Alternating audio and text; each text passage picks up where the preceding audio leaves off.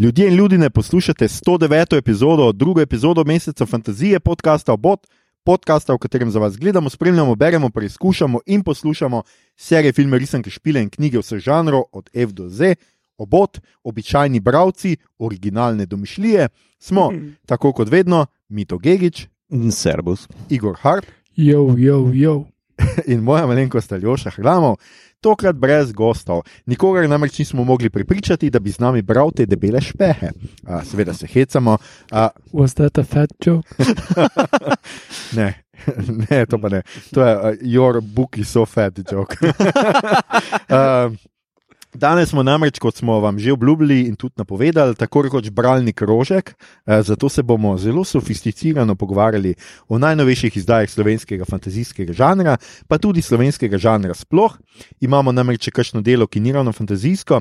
Se pa že vnaprej upravičujemo, ker nam ni uspelo prebrati ravno vsega, kar smo obljubili in si zamislili, ampak bomo to storili tekom meseca fantazije. To pomeni tudi, da bo današnja epizoda menda skoraj povsem brez kvarnikov in jo lahko v miru poslušate, saj vam bomo v branje priporočili marsikaj dobrega in zanimivega. Maestro, zdaj graj nekaj fantastičnega, a slovenskega.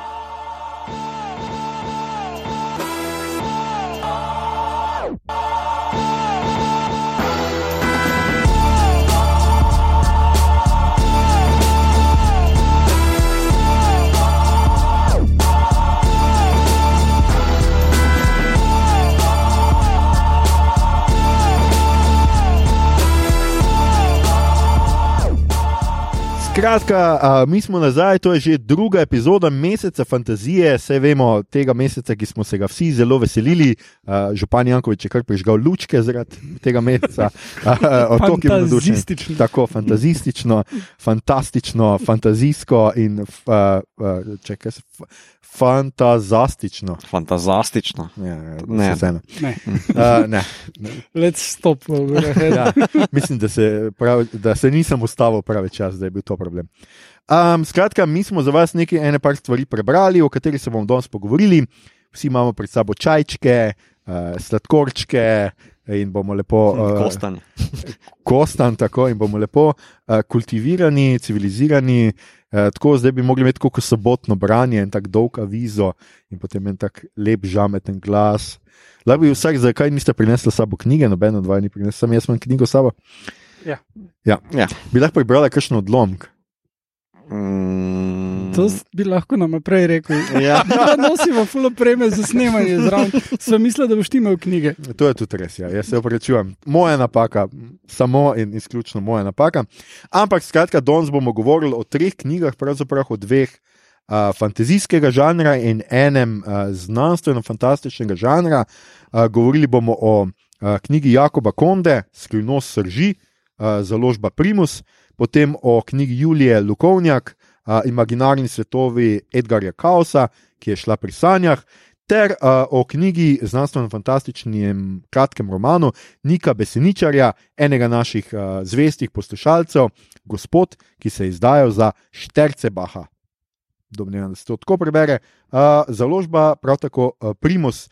Uh, v ta namen, še preden začnemo, se bom tudi zahvalil uh, obema založbama in Sanjam in Primus, ki so nas tudi oborožili z. Uh, za primerke knjig, da smo jih lahko recenzirali. Uh, kljub temu bomo pa precej objektivni in uh, to se tudi ni bat. Skratka, Mhm.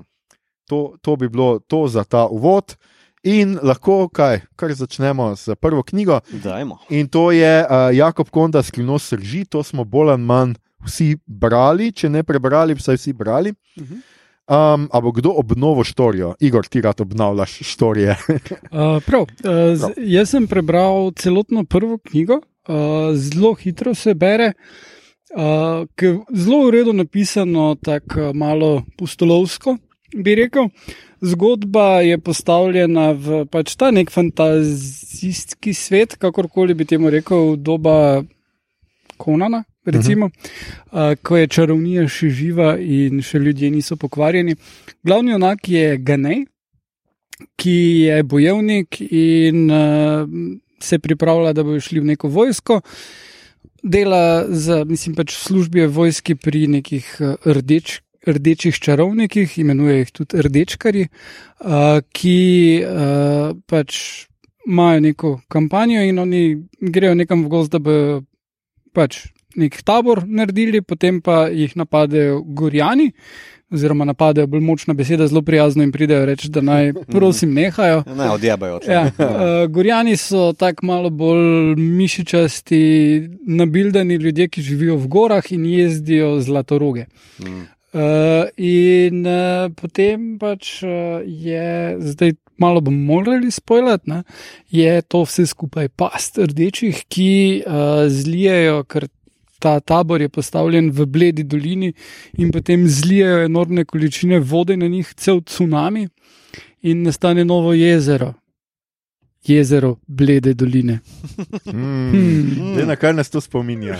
Um, No, v glavnem, potem pa pač se odloči, da se jim bo maščeval, vmes se mu prikaže mitološka bitja s tem zlatorogom, enim, ki preživi uh, splete posebno vez. Zelo uh, tak hero's journey zgodba, uh, jezik je izjemno bogat, uh, Mhm. poln prispodob in prav. Uh, Imam prav ta malo, rečemo temu, fetiš, da pri sci-fi vse opazujem, kjer se gre, ali pa pr, tudi pri fan, fantasyju, kjer se gre, da pač je neka post-religiozna zadeva, ali pa da, da ni religiozna, pa bodo vseeno kdo vmes rekel, kak pekel ali pa k vragu ali kaj podobnega, čeprav ti termini naj ne bi imeli smisla za te ljudi. Ne? Tukaj pa moram reči, da vsaka kletvica, vsaka prispodoba je vezana na to slovansko mitologijo in uh, brez ga plenta je dobro se je potrudil. Ja, zelo dobra Uh, konsistent, notranjo svetovna konsistenca. je, tako Ja, rekel. ja, ja. Uh, in tudi to, kar čarovnija zmore in česar ne, vse to je, je zelo dodelano, res bogat svet. Uh, in uh, bom prebral uh, okrog novega leta, ko imam malo več časa, zagotovo še tudi drugo knjigo. Super, super. Um, ja, je taka. mm, Si mislim, da si to že nakazal, ali pa mogoče še bolje podarjeno, da je to kao uh, fantazijska postolovščina, ki se dogaja z elementi slovanske mitologije. Ne? To je, mislim, da tle treba poudariti, ne pojavi se note kurent, tudi ta uh, uh, zlatorok je seveda iz slovenske mitologije, le, bolj legende, ta se mi zdi. Folklora mogoče. Folklore, ja, Mhm. ni, ni to, mislim, da ne vem, če zdaj mitološko glih Ja, povedal. oni temu rečejo, kako že on čas je. Ne? On čas je, ja. In, tako, in pa tudi, ja, kot, si napo, eh, kot si nakazal, ne, mal eh, je namiga, da se dogaja to, kot da sicer na zemlji eh, in v naših krajih. Ne, to, ta, skratka, to Mm. bledo jezero je seveda jezero Bled, ne domnevam. Ja, da, da če potem, ko grejo do mesta, pa ni zdaj, da bi lahko rekel, to mesto je pa zdaj Ljubljana. Ne, ne. Oziroma, da je Ljubljana na pogorišču tega mesta ali karkoli, Mm. mm. ampak je pač nekje mesto. Ne? Mhm, mhm. In tako ko- kot je opisano, kak je pod gorami, pa to mislim, ni, da, da bi ga lahko. Ne, ne, Določil. bolj kran. Tudi kran ni tako pod gorami, sem bil že tam. Jesenice, ok, demo. Ja, Direkt. Radovljica. Um, uh, ja, ja, slovanska mitologija je in tudi uh, vmes si vzame uh, čas, recimo, da um, ima uh, celotno uh, predzgodbo te religije uh, postavi, oziroma creation myth, kot se temu reče v angleščini. Kako je to po našem, Ljošu? Veš, Izvorni mit je to. Izvorni mit. Izvora, ja. Lepo. Uh, no, celotno to, kako je nastalo vesolje in, in pač vse. Uh, to se mi je zdelo zelo dobro, zato ker čeprav uh, so nam vse te. Um, To, to je full vredno tukaj pri world buildingu, zato ker pri Wheel of Time, ki ga gledam, je ogromno dela, rabiš kot avtor in ti kot gledalec vložiš to, da si predstavljaš vse, kaj deluje, aj se da in tako dalje in to se sproti greti. Tukaj pa en kup elementov ti avtomatsko jasnih, ker je iz pravljic, ki si jih Mhm, uh, bral uh, in uh, je dosti lažje, hkrati pa si še vzame tale. Uh, uh, Izvorni mit, ki pa ni nekaj, kar bi bilo del pravljic, ker je drugače malo boring, v fantaziji pa je vseeno dosti pomemben v enem takem delu. Mhm. Res je. S tem, da pač tudi ne moremo, reči, ne moremo reči, da pretirava slovansko mitologijo, kaj je pretiravanje, vse drugo pač ampak recimo nekaj dosti noter morane, ni, ni drugih nekih bogov, ne? tle je ta kurent kot to mitološko bitje, bolj so ta uh, polbožanstva, ne? ni teh. Resničnih bogov, tudi, mislim, resni, ni bogov, eh, tudi ne, mislim, ne pogovarjajo se dost toliko o njim. O njih je pa tako, jaz kar moram jaz reči, pač, um, re, um, se pač zdaj že pogovarjamo o tej knjigi, je pa pač to, da kar je meni bilo zelo všeč, je pa uh, to, da je počas. Lani smo se dosta o tem pogovarjali, uh -huh, uh -huh. kako uh, so ti uh, lanski romani bili predvsej tako dogajalni. Skratka, zelo se je dogajalo, zelo hitro so dogodki potekali, padli smo noter, pa je že bilo to, pa uno, pa tretje se je zgodilo. Tle noter si pa avto res, res vzame čas. In mal je povezan to s slogom, ki je res baročen. Na trenutke, mogoče preveč. So, so trenutki, ko je tega preveč, kakšni dramatični, napeti trenutki, je boljš biti manj, z manj besedami, kot pa uh, z več, ker ubijaš dramatično z preveč besedami. Ampak po drugi strani si pa res vzame čas. To sta dve knjigi, v katerih se zgodita dve bitki, pa nekaj vmes, uh, pač nekega dogajanja in nekaj dosti drugega. Ne? Ampak ti vmes vseeno spoznaš lik, spoznaš ta svet malo boljš. Uh, in tako, in pač tudi to neko vzdušje zelo dobro gradi. Mm -hmm. Meni je zelo všeč, kako on to, tako kot si pač omenil, z besedami, z besediščem, tudi s kakšnimi starinskimi izrazi in tako naprej, pač gradi eno tako res. Mal bolj pravlično, tako vzdušje, no, neko brezčasnost. In to jaz moram reči, da se mi je zelo dopadlo pri, pri, pri uh, Jakob, Jakobovi knjigi, pri knjigi Jakoba Konde in moram res, res zelo pohvaliti. No. Mm -hmm, mm -hmm. Ja, tu se lahko samo strinjam. V bistvu, jaz sem prišel zdaj mogoče na tri četrt prve knjige, mm -hmm. ali polovico prve knjige, tu nekje pa bom jo, po moje, kot keks pojedel do konca, še druge. Um, mene, vsaj na tej točki zdaj, ker mislim, da sem. Trenutno tam, kjer kurent razlaga počelo mm -hmm. sveta, uh, ga nejo. Ne? Uh, da najbolj me tukaj kupi, predvsem ta zelo plastičen jezik, ki uh, si vzame čas, ki, kot, podobno kot Jordan, uh, magari za voljo zgodbe, pa tem pa si vzame, pa ustavi vse skupaj, pa mm -hmm. uh, razloži gledalcu na zelo lep, barvit način, oziroma baročen, kot si rekel, rokokojevski skoraj. Uh, Se upravičujem, uh, mi to rokokojevski, seveda, ja, imaš prav. Um, ampak ni, ni mi pa bil pretiran. Uh, zlo, mene zelo to noter potegne, ampak, mogoče koga ne, ampak mene osebno pa ja, full. Um, še posebej tu kot nekdo, ki slika uh, lovske motive, ko se pojavi. Um, torej mislim, da je uh, prabok nekaj tazga v tega on časja, je nek jelen, uh -huh. uh, ki spusti nek moga, mogočen rok. Ne, to mi je bilo, evo, a veš, da nekdo, uh -huh. nekdo si je vzel čas pa pogledal, da jeleni rukajo in tako naprej. Uh -huh. tak, zelo fino. Uh, ja, edino. Uh, kar mislim, da bi koristilo, ampak to je res zdaj tak nitpicking. Mm -hmm. Da, če bi šel še enkrat skozi, včasih so ti izrazi malo pre, preblizu skupaj po vrsticah. Aha, ja. Da, ko že rečeš rok, potem na tisti strani mogoče ne bi rekel še enkrat rok, ker je zelo tako posebna beseda. In vsake toliko ima te besede, ki so krasne, potem pa jih vidiš še trikrat, takoj pa mm -hmm. ti je malo preveč. Ne? Ampak res, da to je nitpicking in mislim, da glede na to, da je prvenec. Mm -hmm. Jaz vem, da če bi napisal nekaj takega, ne bi toliko debelega, ne bi bil sposoben pol toliko prečistiti, mm. uh, znam pa drugim pamet soliti. to je naša odlika, ja. kaj ste bote solili, tako med drugim. absolutno, Igor, gledaj, tle, to si povedal, to je za urednika, ti si urednik. Pač, absolutno, jaz tudi pač nisem za to, da pišem, sem pa za to, da drugim pamet solim, kar je ne na zadnji moj job. Ja, jaz bi rekel pač to, ko smo se pogovarjali, pač kar mene mogoče. Mičkano zmotim to, govorim zato, ker uh, uh, jaz sem pač prebral obe in pač lahko rečem, da se konča tako malo. Uh, Z namigom, da je lahko še neko nadaljevanje. Ne? Ja, si, mislim, da je Jakob takrat, ko smo ga spoznali, Aha, povedal, da to sta šele prvi dve in da od, aha, okay. od super, super. Aha, okay. uh, Zelo možno, gledaj, jaz sem ja. mogoče pozabil, no, ampak skratka, zaključi se tako, da ni čist konec. No, lahko pa bi bil tudi tudi zelo smiseln zaključek, ne, v mhm. resnici. Mm. Ampak ja, za naprej pač kar mene mogoče več. Pri opisovanju bitk, pri opisovanju nekih dramatičnih, hitrih akcij, pa seveda postane malo moteče, če je preveč baročno, če se preveč ustavlja, in mm. tako naprej. Um, in pa kakšne, kakšne stvari so meni bile malo premalo realistične. Tle noter je treba pač uh, omeniti, da recimo ko uh, ga ne in ta njegov uh, Jaroslav, ali kaj že, ja. pač pri, pripotujete v to glavno mesto uh, in pač hočete rdeč, kar je napast. Oziroma, pač itak je že sama ideja, da bo zdaj en vojak kar tako pobil voditelje neke, neke vojske, pač malo smešna. No?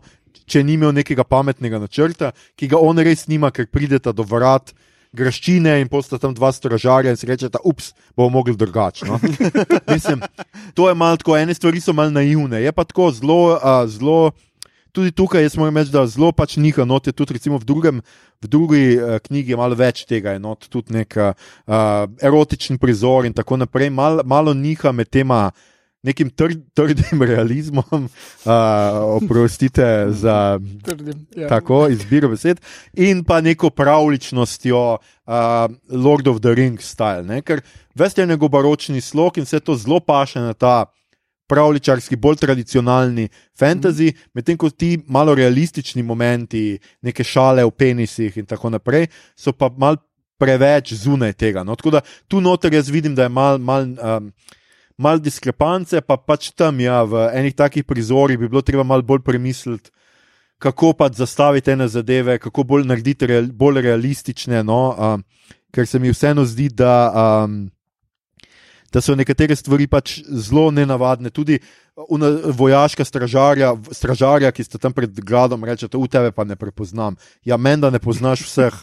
Se tisoč, pomeni, da jih je več tisoč. Ja. vojakov. Ja. Pač to je malo tako, ne. take stvari so malo. To bi bilo treba mogoče malo še pričistiti, ampak drugače moram reči, da jaz sem zelo pozitivno presenečen in verjetno je to vseeno eden najboljših uh, fantazijskih, slovenskih fantazijskih romanov, kar sem jih jaz prebral. Ne. Načeloma sem prebral skoraj da, skoraj da vse, ki so tam zunaj. No. Uh, meni se je v prvi knjigi zdel malo nepotreben, oziroma ne uh, premalo aktiven, uh, premalo razvija, razvijajoč se lik Jaroslava, se v Mhm. drugi knjigi kaj spremeni s tem. Ne, žal je tudi tam ostane bolj ali manj samo ena ovira, pač zmer neki javka, jamra in ga je Ja. treba nositi. Tako rožle je. Ja, ja, je, tak, tak, kot, to je super. Ta je boljša, kot sem jaz. Jaz sem imel pač več čas Samwise Gamgee, sem on je res uporaben. No? Ja, ja. Ja. Zelo, ja. Ampak ja, tle noter pa imaš tako, več, več čas je v napoto, no, pa skozi neki jamra in se pritožuje. In je bolj skuša biti ta hum, hu, duhoviti humor relief, ne, skratka, Ja, ja, ja. a, pač nek ta, da, da se malo sprostimo, pa, pa, pa nasmehnemo zraven. Tako da to se ne, ne spremeni, kaj dost, pa upelje pa. Uh, Tretji lik upelje pa Zarijo, bojevnico, to Gorjansko, ki jaz več se sumim, da so Gorenci, skratka, njihov upelje, ki so tudi malo škrti tam noter, se pol. Okay. Kaže, da so tudi malo mal se tako škrti. No. Uh, ja, kaj pa tale, m, mogoče malo on the nose simbolizem, da uh, so rdeči čarovniki, aka rdečkari, uh, simbol za komunizem, ko hočejo ubiti celo to, magijo. sem- to sem jaz isto imel, a, tale um, Ja. um, No. um, moment. No? ja. Asociacijo, Ja. ja.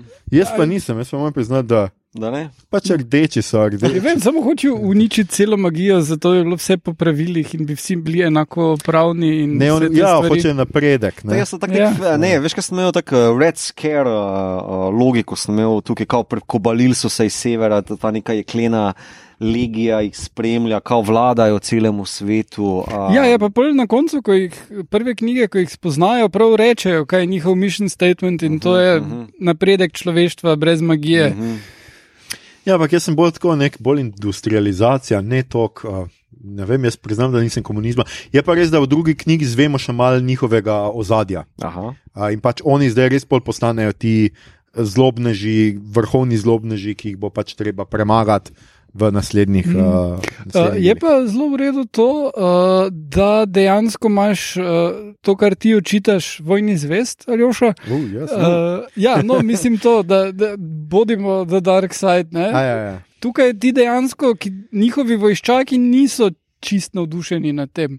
Uh, Res je, tle je več črno, črno-belega, no, uh, noter ni tako, mislim, uh, Sivine. več si videl. v bistvu, uh, glede na to, da so oni rdeči, več Ja. rozastega. Več rozastega noter, skratka, ni pol tudi zvemo še eno, tako, pa ene par par obratov se zgodi, pa tako, zvemo tudi ozadja pač teh jeklene, jeklene vojske, legije, zvemo, kako so oni prišli, pa zakaj. Pa tako. tako da je ma, ma, malo uh, stvari postanejo bolj, bolj, tako bom rekel, zanimive. No? Ampak predvsem moram reči, da. mm, Me res zanima, no, kako bodo stvari, stvari šle naprej, ker je pač lahko kar dosti rešitev ali pa dosti načinov, kako gre stvar. Pa ful več seksa. Torej. To pa ne vem, tle je samo ena, eh, en, en tak prizor, no. ni, se ni to hudo, pa tudi ni opisan posebej uh, trdo, realistično. Ampak ja, je pa, je pa vseeno noter, to je nekaj, kar mogoče v gospodarju prstov ne bi tako pričakovali. Ne? Ne, meni, meni se, mislim, se v, v Game of Thrones je polno tega, ne? ampak uh, si mi je bliže zdelo mogoče kakšni kseni.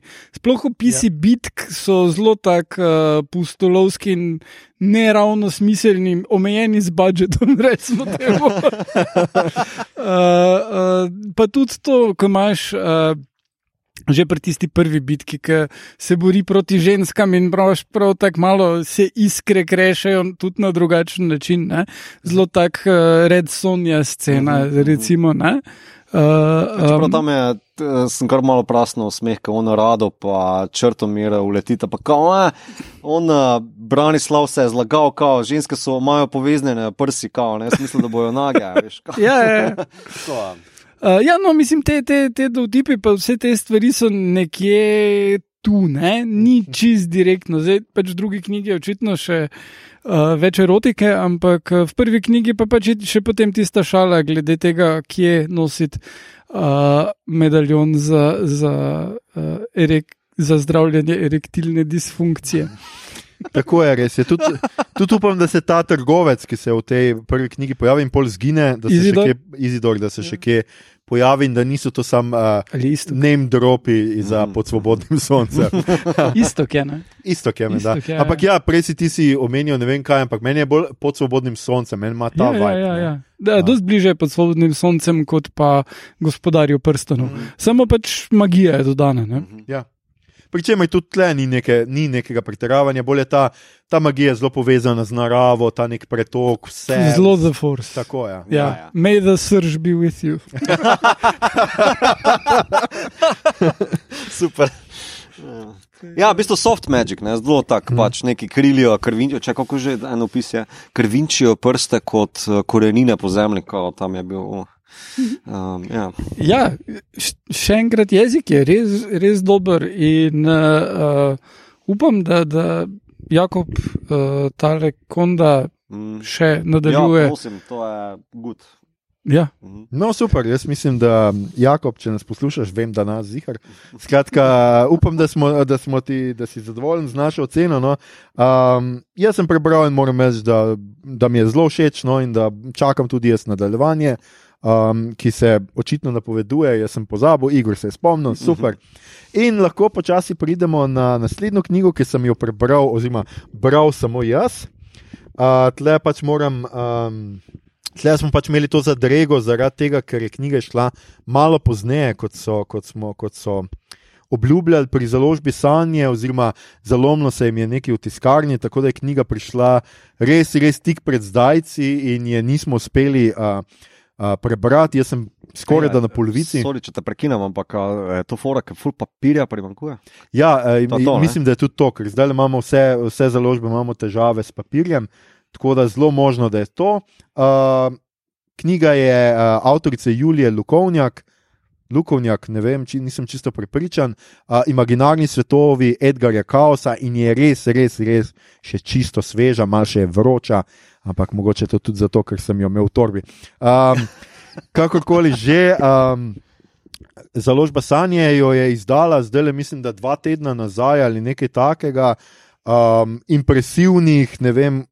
Uh, koliko samo moment, da vidim 548 strani, ampak je tudi format malo drugačen. Trade paperback je. Ja. Ja, ampak je tudi format tudi, malo, malo večji. Fontič je tudi kar tako uh, zelo. Ja, tako da tega je kar. Vse uh, to je za ta format, je normalen font. Ja. Dune je, je tudi bil v tem, je bil hardcover Aha, ja, ja, in trade ja. paperback, zdaj pa je pravi paperback, pa je enkrat debelejši. Uh mhm. -huh.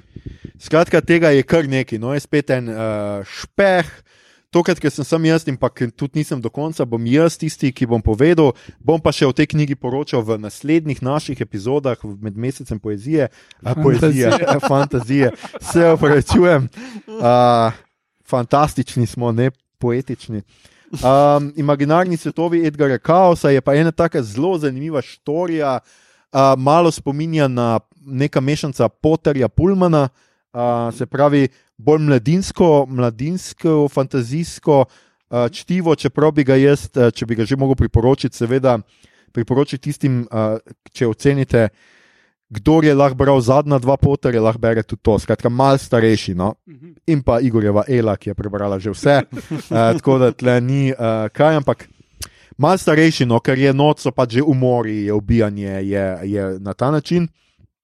Skratka, kaj se dogaja, kot sem do zdaj pač razumel, gre preprosto za to, da um, neki razduševalci, kot se jim reče, ljud, eh, ne ljudem, ampak čarovnikom, vilincem uh, in vsem tem magičnim bitjem, ki imajo čarobno dušo oziroma magično dušo, jim kradejo te duše. Uh, in te duše jim skratka odzamejo jih, in te duše se potem spremenijo v, to sem si napisal, mislim, da tudi v krvoduhe in Mm. napadajo druge duše, zato ker magična bitja imajo nekakšne duše, ki so deloma z njih, v njih, deloma pa ne, ko spijo, grejo ven iz njih, kot neki demoni ali pa Aha. patronasi. Skratka, Ne, neka astralna projekcija. Ja, ja, so neke živali, skratka, Mhm. vsi a, levinje, lisice, tako naprej. Tako da neka mešanica tega je.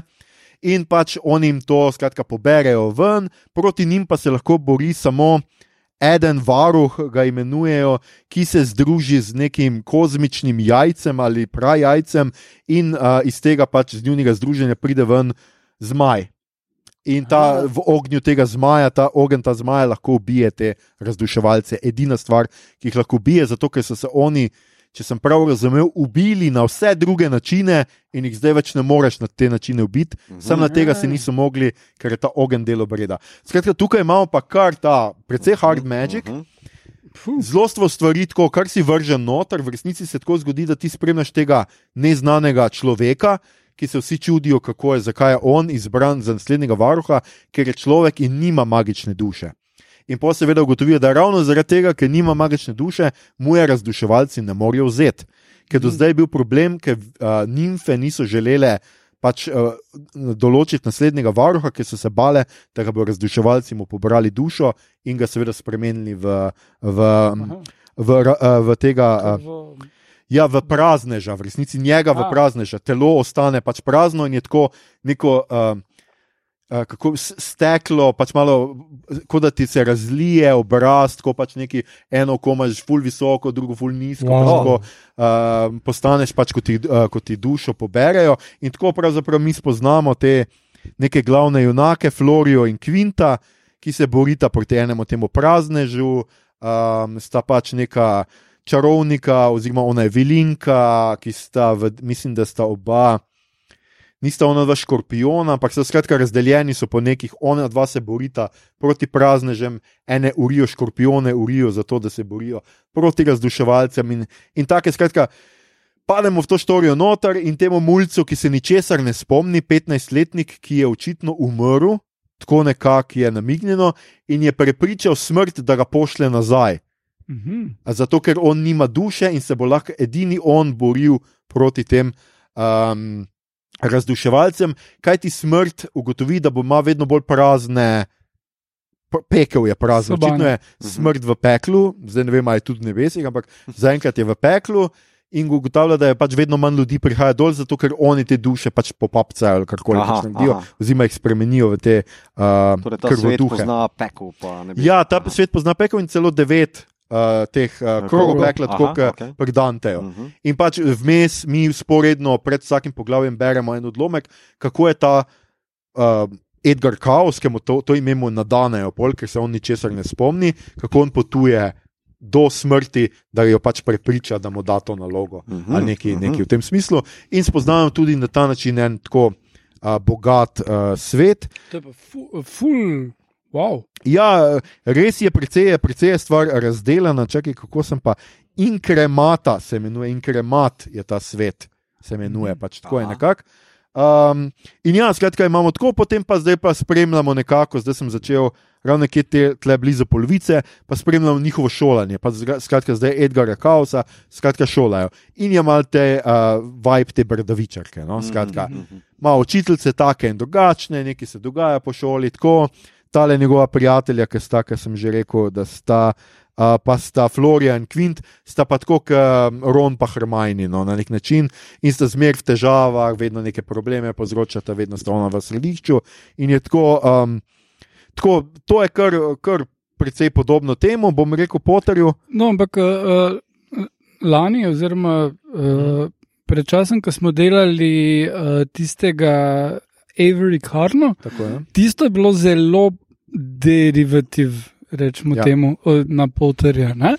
Tole je pa, koliko se mi zdi, na siceršnje opise, dost bolj. Uh, Sveže, ampak ti opisuješ prek uh, Potterja kot uh, v stilu, da, pač, uh, da imamo mi neko referenco. Ja, Ali ja. je dejansko.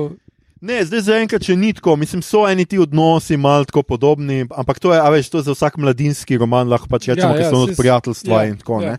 Ni, in jaz bom rekel, da zaenkrat ni pač tako, je precej. Um, Kar se neke domišljije tiče in tega, ne moremo čitati, da bi bilo blazno posnemanje. Ja, mogoče prazneži, oziroma kako prazneži napadajo ljudi, pa jim še oni jih ubijajo, mal deluje kot dementorji. Recimo, mm. In pač so te ene podobnosti, ampak jaz mislim, da se temu pri današnjem fantasyju ne moreš izogniti, ker tudi dementorji so mal uh, na zguli in ne vem. Ja, ja, veš, vsekakor, ja. Tako je pač Fadey. ve- Fadey, ja, in je vedno pač te, to so te Koliko pa, uh, koliko pa drugače je ta mitologija, omenil si vilince, pa ne vem kaj vse to.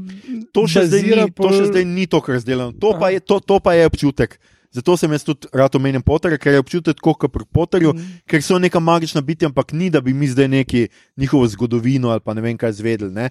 Zvemo malo, ker je ta Florija je, uh, prestolo naslednica Vilinskega kraljestva uh, in pač od nje tle zvemo malo neke politike, pa nekaj tako, ampak tudi ne, ne zelo veliko. No. Zaenkrat se pač osredotoča na boj proti praznežem, oziroma kako bojo oni zdaj um, se natrenirali, da bojo premagali te razduševalce in bojo pač rešili pač, uh, svet, oziroma da bo spet ljudje normalno umirali in bo ta normalen cikel uh, naravni. Tako da, kar se tiče domišljije, meni super.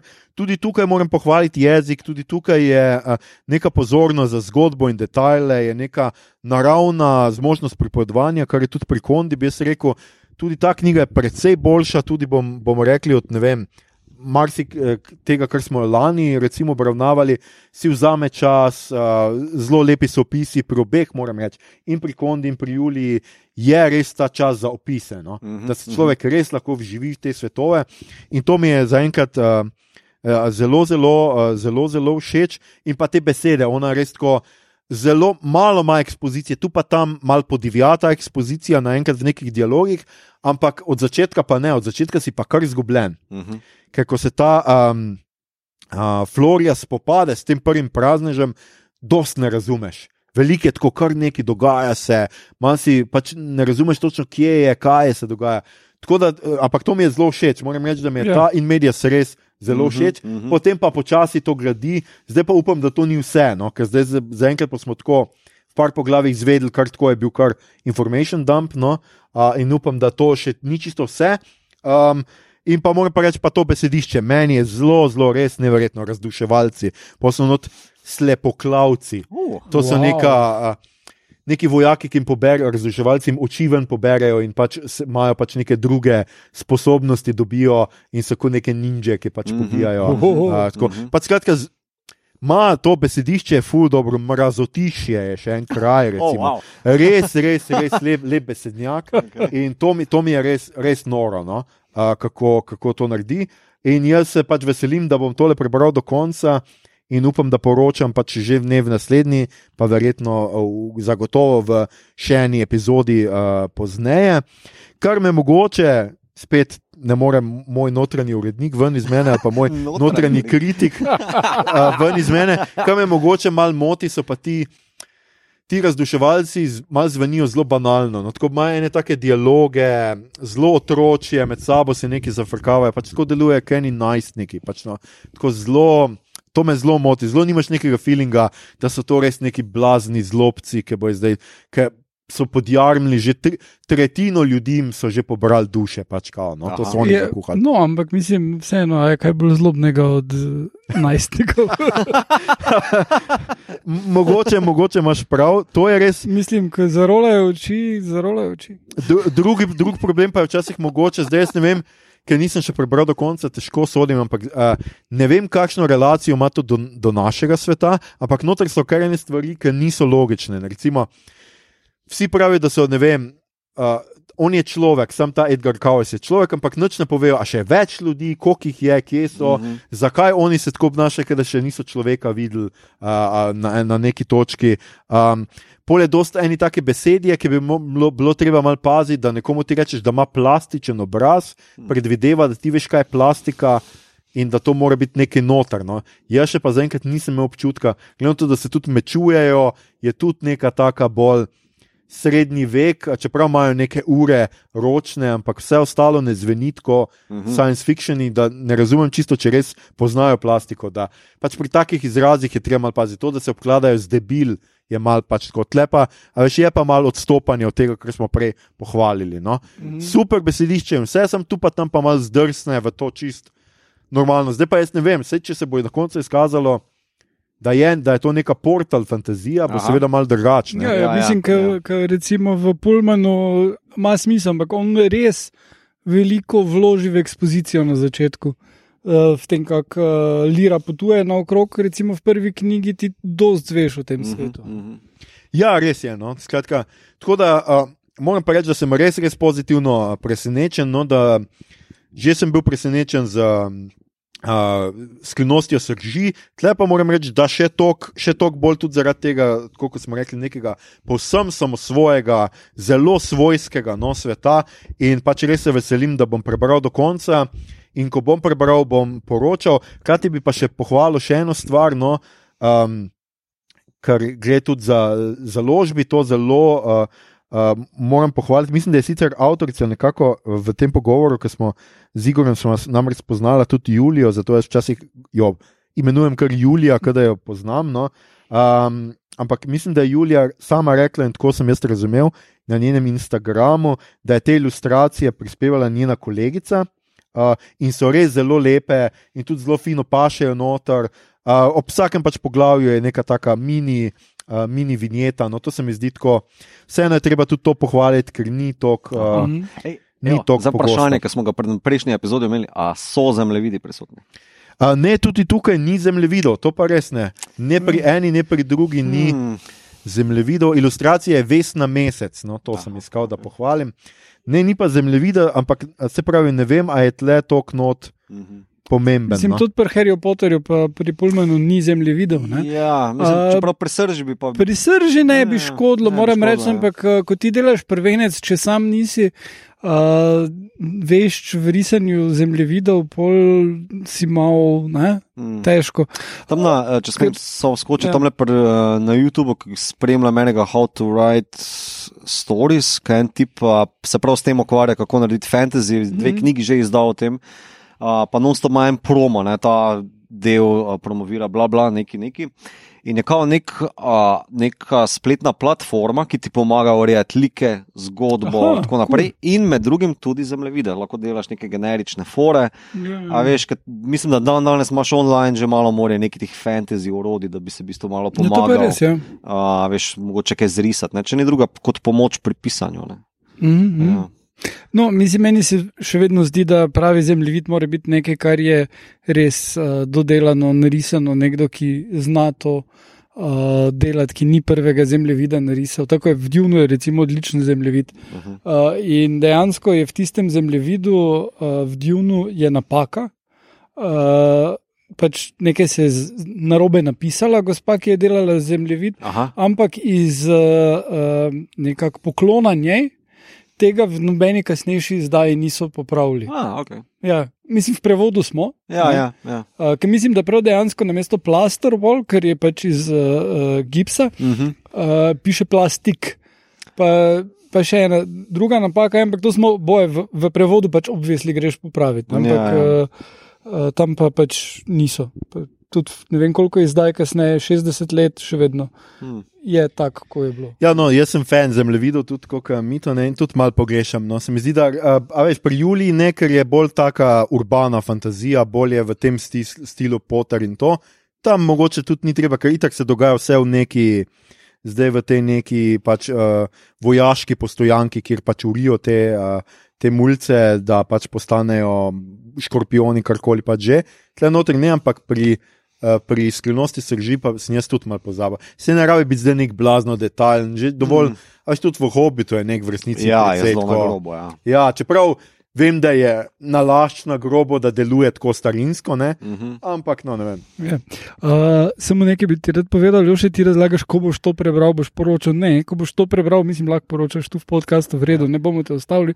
Pol boš dal to knjigo še nama za prebrati. Ja, ja, to, Ja, ja, ja. to absolutno. ja. Uh, bosta dobila, vsekakor. Um, skratka, no, jaz zdaj pač nisem tako daleč, da bi lahko rekel, da je to prvi del, ampak uh, mislim, knjiga je kar zajetna, tako da ne vem, ali se obeta kakšno nadaljevanje še, ampak skratka, bomo prebrali vsi. In um, to je zdaj iz fantazijskega programa nekako vse. Hoteli smo še, e- jaz še imam eno doma, ki jo bom tudi skušal prebrati tekom meseca fantazije, od naslednjega tedna, konc tedna imam dopust, tako da upam, da mi bo. eh, Bodo ene stvari malo bolj ratale, kot so mi zdele, in bomo tudi v tej, bomo Kaj je pa naslov? uh, Animus. Naslov je Animus, sem pa zdaj avtorja ta trenutek um, zelo grdo od mene pozabil. Ampak uh, zdaj le googlam vmes, ne seveda, Ja. zelo na hiter. In absolutno nisem našel, ker pač seveda Google a, pod Animus da kup nekih uh, totalno drugih. Uh, Jan R. Bilodjerič je, uh, skratka, avtor uh, Animus v srcu, v srcu senc, v svetu senc, skratka, to imam še doma in bom probal prebrati pač tudi do, vsaj do uh, četrte epizode. Fantazije, zato ker moram zdaj vmes, če seveda Lord of the Rings pogledati Mm. uh, za naslednjo epizodo. Tako, in to bo vzelo Uh, tu pa je zmaj na Najmanj 12 naslovki. najmanj 12 ur. Ja. Tu pa je zmaj na Tam je naslovki. zmaj na naslovki. Ja. To je že bonus. A ja, to, To že Igorja intrigira. Ja. Uh, mislim, da se je bilo Džerič uh, izgovori, dosti pogosto Ja. primek Mariboru. Zelo možno. Ja. Ja. Uh, skratka, bilo Džeriča, tega še moram prebrati uh, in bom o tem poročal, in če bo v redu, vam tudi predam uh, naprej. Zdaj pa gremo na tretjo knjigo, ki pa je znanstveno fantastična, ki je jaz uh, nisem uspel prebrati, ker sem se lotil ta debelih najprej, tako kot ponavadi. Uh, pri knjigah jaz nisem zmeren. Um, in to je uh, knjiga enega naših uh, zvestih poslušalcev, Nik, uh, gotovo nas poslušaš, meni da ne boš preskočil ravno te epizode. Skratka, Nika Beseničarja, gospod, ki se je zdajal za Štercebaha. Uh, tudi je šla pri založbi Primus in prebrala ste jo Mito in Igor, tako da izvolite Mito. ne, je ne, ne, Igor, kar pre... Igor, kar ne, Igor. uh, Igor bo spet malo obnovil štorijo. Prav. Uh, torej, štorija je, uh, kot pove opis na zadnji strani, se začne z človekom, ki ga nenadoma stisne na stran, kamor gre še cesar sam. In uh, medtem ko uh, opravlja svoje delo in nima papirja, in si ful fokusiran na pač te zelo banalne uh, stvari, se njemu dogodi uh, potovanje v času. Ni razloženo, zakaj, ni razloženo, kako, nikoli v knjigi, preprosto zgodi se in zakaj pa ne. On se nenadoma znajde v Frank je na frankfurtskem letališču. In nenadoma se znajde na tem istem letališču v 80-ih. Letališče je prazno, zato ker uh, še čaka na inšpekcijo, da bi ga sploh odprli. Uh, in uh, ko pride ven iz letališke stavbe, v zmeden ga tam čaka en BMW in uh, ne BMW, Audi, sorry, mm. celce so Audi. Ful, Po Mercedesi. Ja, ampak zelo, zelo so opisani ti avti iz tega časa, mm -hmm. ja, se je potrudil. Uh, in ta človek ga čaka, zato ker misli, da je on uh, Štercenbach. In Štercenbach je pa ameriški inšpektor letališč, ki je prišel požegnati, če lahko ameriška letala uh, pristajajo, če je to v skladu z FAA, No, da uh, to novo letališče. Mm. Uh, in človek, ki ga čaka, je direktor frankfurtskega letališča. In on pač, ker ne ve, kaj bi drugega naredil, reče, da ja, je. In ga ta odpelje v hotel, in uh, potem sledijo zapleti ta človek, uh, ki pa je drugače uh, poslovni, nek, nek middle management v neki firmi z orodjem, ki. Ne, neko ke, kemijo prodaja, formalne- kemikalije, neke, ja, neki shit. prodaja in v bistvu ga imajo samo zato, da gre podpisati pogodbe, kjer je treba samo podpisati, ni nič odločevalec. Ja, tako protokolarno. samo, Ja. ja. A, okay. Ko je treba se pogajati, pošljajo koga drugega, ko pa je treba podaljšati pogodbo, pa pošljajo njega. Uh, in on pač se nekako trudi prilagoditi temu, kaj se dogaja. In uh, ugot, pač ugotoviti, hkrati pa pač imaš uh, flashbacke, pribliske uh, na to, kaj v bistvu se je njemu zgodilo, preden je prišel sem. In uh, tule zdaj v bistvu uh, zelo težko povemo stvari, brez da bi razkrili Mhm, mhm. cel twist. Uh, Tako da bomo na tej točki pustili. Je pa en, imam pa jaz en resen moralen problem s to štorijo, ki se razkrije pri twistu. Tako da to se moramo zdaj izmeniti, če bi povedali ali ne. Da bo še kaj drugega prej povedati. Kao, Ok, ja. Knjiga je eh, 118 strani dolga, tu nekje. Zelo hitro gre. Zelo hitro je po papcu, no, mislim, da sem jo v treh urcah nekje po papcu. Ja, Uh, zelo dobro se bere, no, hitro pičeš skozi, no problem. ja, Je pa kao, uh, mislim, da bi lahko to nekako, torej time paradoks je to, ne, zgodba. ja, Čist. ja. Uh, s tem, da ta WC služi kot, uh, ne vem, portal. portal, ja, rečemo tega. Portal. Sej, mislim, je na nek način večji portal. Ja, ja, sej. Vsak vec je portal. Ja, ja. pridejo, pa stvari grejo. Um, v bistvu, um, mogoče bi se jaz jezika tukaj dotaknil, ker malo, Mhm, jezik deluje malo tako zelo funkcionalen. Mhm. Uh, ni zdaj borokokojevski ali pa boročen kot pri ostalih, res je bolj uh, v službi zgodbe. Se pa na cajte začuti ta, mislim, da je nek uh, v medicinski stroki. Ne? Zdravnik se te Zdravnik, aha, ja, okay. Ni- nisem, vedel, nisem vedel natančno kaj. Uh, okay, ampak, uh, da pa tam, ko pa pride do nekih določenih teh opisov, uh, ali um, fekali, ali pa, ali pa nekih drugih problemov, ne vem, kakih bolečin, ali pa nekih telesnih, tam se pa razvija nek določen jezik. Se mi zdi, da se zelo Ja, ja, začuti, in uh, zelo podoben je tudi pri opisu avtomobilov. Uh, ja, ja, tudi zelo no, gre. Mislim, da Nika zelo gre dobro v lahko ene te detajle. Kaj, kaj ga zanima, kaj je njegov um, forte. Moče je zdravnik za na dom, pa se full voz. Patronažna, mogoče ja, ja, ja, ta, ta, no, Ja. super. A, okay. Um, ja. Mislim, da pa je, v bistvu, tako, kako naj rečem, v bistvu, to bi prej rekel kot novela, ne, uh, po dolžini, pa tudi Ja. ja. ta tempo, ki je narejen, da se v bistvu iz enega, preko, enega odlomka v drugega bolj ali manj uh, mečeš, prekocuješ. Odlomki so zelo kratki, po 3-4 strani. Poglavja, misliš? Poglavja, pardon, no, ne odlomki. Uh, Tako malo mi je Dan Brownovsko delovalo, uh, ker te zelo hitro meče naprej. Uh, Ja, ja, plus uh, zelo je dober v tem, da poglavje zaključi z, nekim cliffhangerjem. Ja, Ja, ne nujno tako, cliffhangerjem, ja. ampak ja, pa res me zanima naslednja stran. Pa pol boš lahko na, Ja, ja. na prvi strani naslednjega poglavja nehal brati. Ja, Ja, ja. ja. Gre, bo razrešil takoj ta konflikt. Ja, ja. Zelo Veste, dobro je razdeljen. Dobro si omenil, a veš, probo sem si cel cel vizualizirati celotno zadevo, vse poda tudi dovolj opisov, kako je kdo oblečen, kako vse skupaj izgleda, kar je zelo fino narejeno. Uh, veš, če si to predstavljam kot nek web uh, epizode, a ne veš, kot petminutne YouTube epizode, da bi bil to zelo špasen izdelek. Ne? Ja, ja, ja, mislim, lahko bi naredil eno zelo kratko, kratko serijo, ne, ko je kaj bil nek Wilby, Ja. ki je žal propadel, ampak to, to bi bil super scenarij za to. Uh, ne, si uh, napisano je tako, da ti si prav tam, ti si v Frankfurtu 80-ih, uh, ne samo letališče, celo mesto začutiš, uh, kako deluje. Uh, in uh, hkrati tale. Uh, Recimo to, ko ima tip iPhone, ki ne najde omrežja, Mhm. In še vedno si proba pač s tem, kaj pomagati, ampak pač no network, v redu. Ma pa tisti iPhone tam. Ampak z- zelo dobro zgradi ta svet. Um, malo mi je tu bil problem, da on, ta glavni onak, kljub temu, da je taki pač middle management, recimo, se mu pa ne, ne pade v nobeno paniko. Ok, ne? ni da bom zdaj čist kul cool shendlal, Mhm. ma ne ve, kaj narediti, ne? Mhm. ampak uh, ni da bo padel na tla, ni da se bo spraševal, kaj je razlog temu. Ne, gremo naprej, ne bomo se zdaj ubadali s tem, zakaj sem jaz zdaj v, v, v 80-ih v Frankfurtu. Ja, tako je. Um, to je meni tudi na začetku malo motilo, samo pa pride na, na sredini v bistvu zadeve, do nekega razkritja, kaj je on počel, preden je šel na letališče, kaj je storil. Um, pa nočem zaspoilati, ne, pa se mi je pozelo, da je mogoče ta lik malo rezigniran že v neko usodo.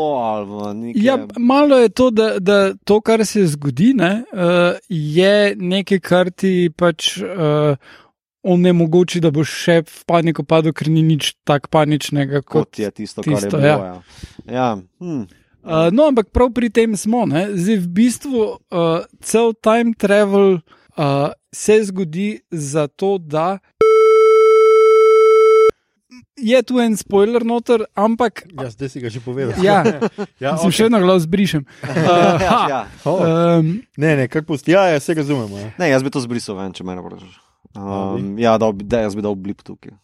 Ja. Ška, le, res je kratka zgodba. Vse lahko dam blip, ja, ni problem. Ja, kratka zgodba je, pa ne bi. Okay, okay. Uh, no, ampak uh, mislim, mi se še vedno lahko pogovarjamo ja. glede blipa. Ja, ja. Ok, povej, glede blipa. blipa ja. Mislim, malo se mi zdi problematično, da glavni onak v bistvu pride prek blipa, skozi, da se mu time travel zgodi kot neka karmična zadeva, mhm. -huh. da se karmično reši blipa, kljub mhm. -huh. temu, da pač vseeno on je naredil to. Ja, to je res. Ja. To je res. Nekako, Na koncu. Ja, ti zaštekaš, da v bistvu spremljaš nekoga, ki je storil blip. Uh, pa ne moreš, uh, zdaj, mislim, ne moreš ga obsojati, ne, nikjer ti ne da ti mesta, da bi se zdaj nekako s tem ukvarjal. Mm -hmm. um, pa tudi zaključiš se tako, ja, ta le blip se je zgodil in pač pustiš. Oziroma se ni. Ja, zdaj se pač ni. In, Ja, ne vem, nekako kot uh, odpustnica za zajeb ali kako naj temu rečem. Ja. Ja. To, to, to, pač moralno se mi je to zdelo problematično, ampak kak je zgrajeno, vse skupaj mm. je pa genialno. Mislim, res uh, pri time travelu. Pri zgodbah o potovanju skozi čas uh, ja, je uh, ta zgradba to, kako ti shendlaš paradoks, uh, fulključno. In tukaj se uh -huh. mi mhm. zdi, da je to uh, res nekaj novega, kar je naredil. Zelo je stabilno vse skupaj, mm -hmm. zelo se vse kocke skupaj ložijo tam, kam morajo biti. Uh, in uh, jezik je celce v funkciji tega ja, na ja. polno. Tako da tudi humor je noter, mm -hmm. kar slovenskem kar, romanu. Kar pove na prvi strani, ja, veš, humorističen, ja. ja, sci-fi ali nekaj takega. Ne? Um, ja. Uh, ja, si mislim, da je treba to. Ja. ne, ker resno v taki zgodbi s vsemi temi elementi ne pričakuješ, da, da bo slovenski avtor mm. našel prostor za humor in tukaj je in je bravo, ja. fajn je. Ja, tudi jaz bi pohvalil na te točke, da Um, ni glih lahkotno branje, ker pač vseeno se moraš ukvarjati z nekimi temi paradoksi, uh, mm -hmm. mislim, deloma. Uh, ampak zgodba je zelo propulzivna, uh, vlečete naprej, popapca še zelo hiter, um, spisano je zelo kompetentno. Um, in kljub temu moralnemu, rečemo, si vinik, ne veš na koncu, kako se naj bi zdaj do tega lika obnašam ali koga sem sploh spremljal, je vseeno um, zelo kul. Cool. Mm. No, super, super. Skratka, nik, mi te bomo prosili, da še kaj napišeš. Ja. Mogoče kaj takega, kaj ne zajema Frankfurta v 80-ih, da bi lahko vojo posnel kakšno serijo. Uh, pa, če pa že imaš fetiš na nemška mesta, pa Aljoša prosi za bo. Za men, pa da grejo liki ja, še na kako tekmo. Uh, ja. ja, mogoče. To pa ne bi bilo slabo, klismana. Kakšen, zlo, ja, kakšen zločin v nogometnem klubu. Tako. Um, ja, predvsem mislim, glede. Ne vem, morile Pevec je Marijo Bazler.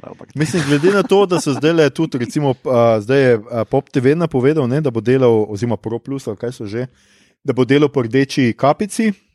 Mhm. Skratka, po romanu, kriminalnem romanu Irene Svetek serijo.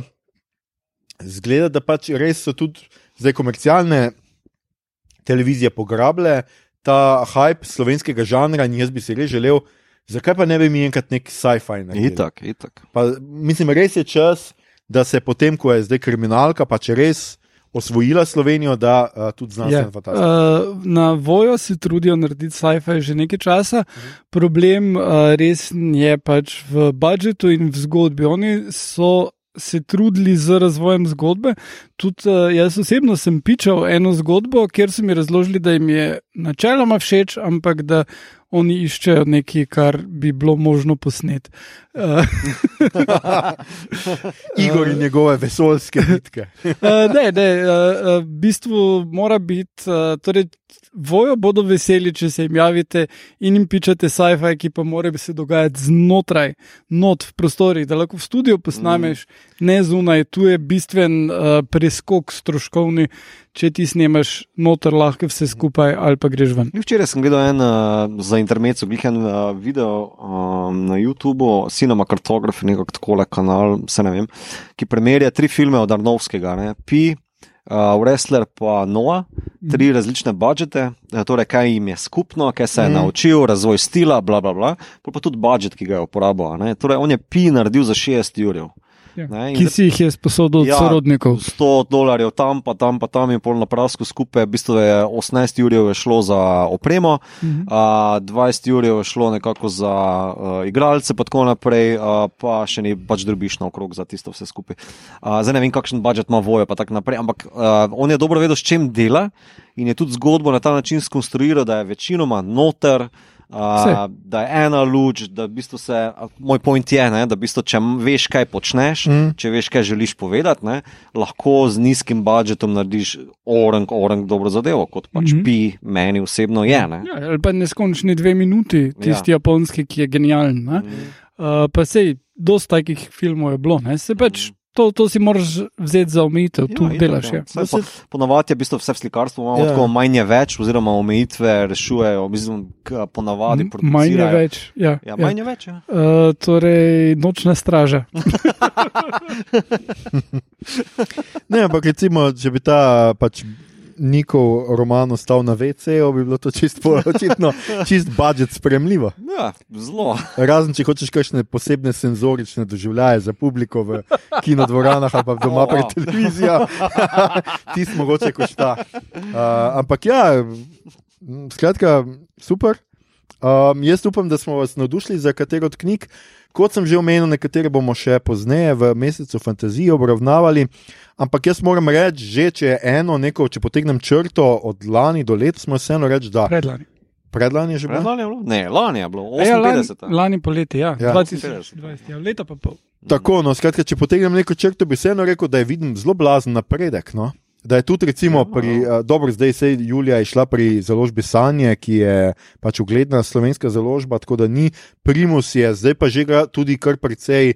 Um, kar precej tega izdal, no, tako da se jim mogoče že imajo tudi malo kilometrine, malo tudi boljše vejo in je pa se tudi vidi, da, da, da je nek trud zdaj v, v to vložen. No, in jaz moram zelo pohvaliti pač oba avtorja, vse tri avtorje, no, skratka, tudi Nika in da skratka dobivamo neko žanrsko produkcijo, ki se ne rabimo več mm -hmm, sramovati. Mm -hmm, vsekakor. Vsekakor. Mislim, tudi tiste se ne rabijo sramovati. Ne, ja. uh, mislim, tisti robotski roman je bil zelo ok. Jake Tomca. Ja. Uh, Jake Tomca, uh, tudi fantasy uh, mm. je imel potencial, ja. ni, uh, ni pa bil uh, na nivoju tega fantasyja. Ja. Mm.